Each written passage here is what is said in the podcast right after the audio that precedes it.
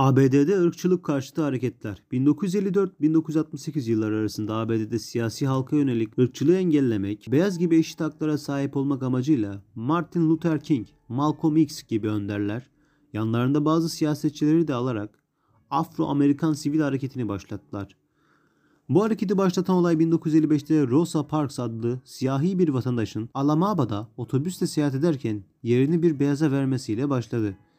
Yine 1960'da Baptist mezhebinin siyasi papazı Martin Luther King lokantalarda beyazlara ayrılmış bölümlerde oturma eylemi başlatması ve eyaletler arası otobüslerde beyazların koltuklarına oturmasıyla protestolar artarak devam etti. Ancak hareketin liderlerinden Malcolm X ve Martin Luther King'in suikastler sonucu öldürülmesiyle ABD'nin 125 kentinde şiddet olayları başladı. Gerçek adı El Hac Malik El Şahbaz olan Malcolm X özellikle ABD ile dünyanın çeşitli yerlerinde İslam'ı, adaleti ve İslam'ın çılığı reddeden yönünü vurgulayan konuşmalar yapmıştır. 68 kuşağı 1960'lı yıllarda Vietnam Savaşı, Martin Luther King'in öldürülmesi, Kennedy suikastı ve SSCB'nin Pıra işgal etmesiyle 68'de milyonlarca öğrenci sokağa dökülerek sisteme baş kaldırdılar. Bu başkaldırı hareketinin 68 kuşağı adı verildi.